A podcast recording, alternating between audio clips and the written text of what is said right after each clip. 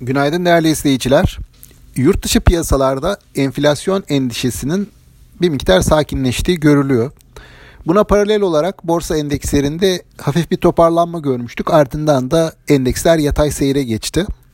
Ee, bugün ABD'den gelecek kişisel tüketim harcamaları verisi önem taşıyor. Bu enflasyonist baskı anlamında piyasalara bir fikir verecek ve sonrasında bir miktar eğilimlerin daha böyle belirginleştiğini, e, hareketin yönünün daha ivme kazandığını görebiliriz. Yurt içi tarafta ise ekonomik veri akışının nispeten zayıf. Buna karşılık e, piyasaların jeopolitik gelişmelere e, daha fazla reaksiyon verdiği bir haftayı geride bırakıyoruz.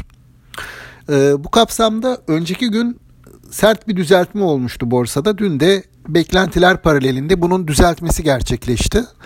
Ve e, BIST 100 endeksi kayıplarının yaklaşık yarısını geri aldı dün. E, bu dalgalanma sırasında özellikle banka hisselerinin daha dirençli kaldığı dikkat çekiyor.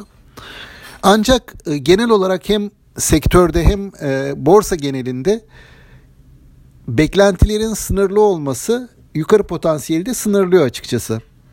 E, önümüzdeki günlerin ajandasına baktığımızda pazartesi günü açıklanacak birinci çeyrek büyüme verisi, e, Perşembe günü gelecek Mayıs ayı enflasyonu, yine Perşembe günü açıklanacak bankacılık sektörünün Nisan ayı finansal verileri önem taşıyor gelecek hafta açısından.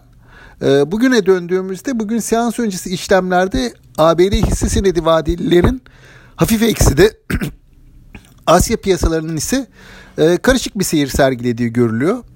E, BIST'te de bugün özellikle kapanışa yakın saatlerde MSCI endeks değişikliklerinden etkilenen, MSCI endekslerinden çıkacak olan Sabancı Holding, Türk Hava Yolları ve Yapı Kredi hisselerinde bir hareketlenme gözlenebilir.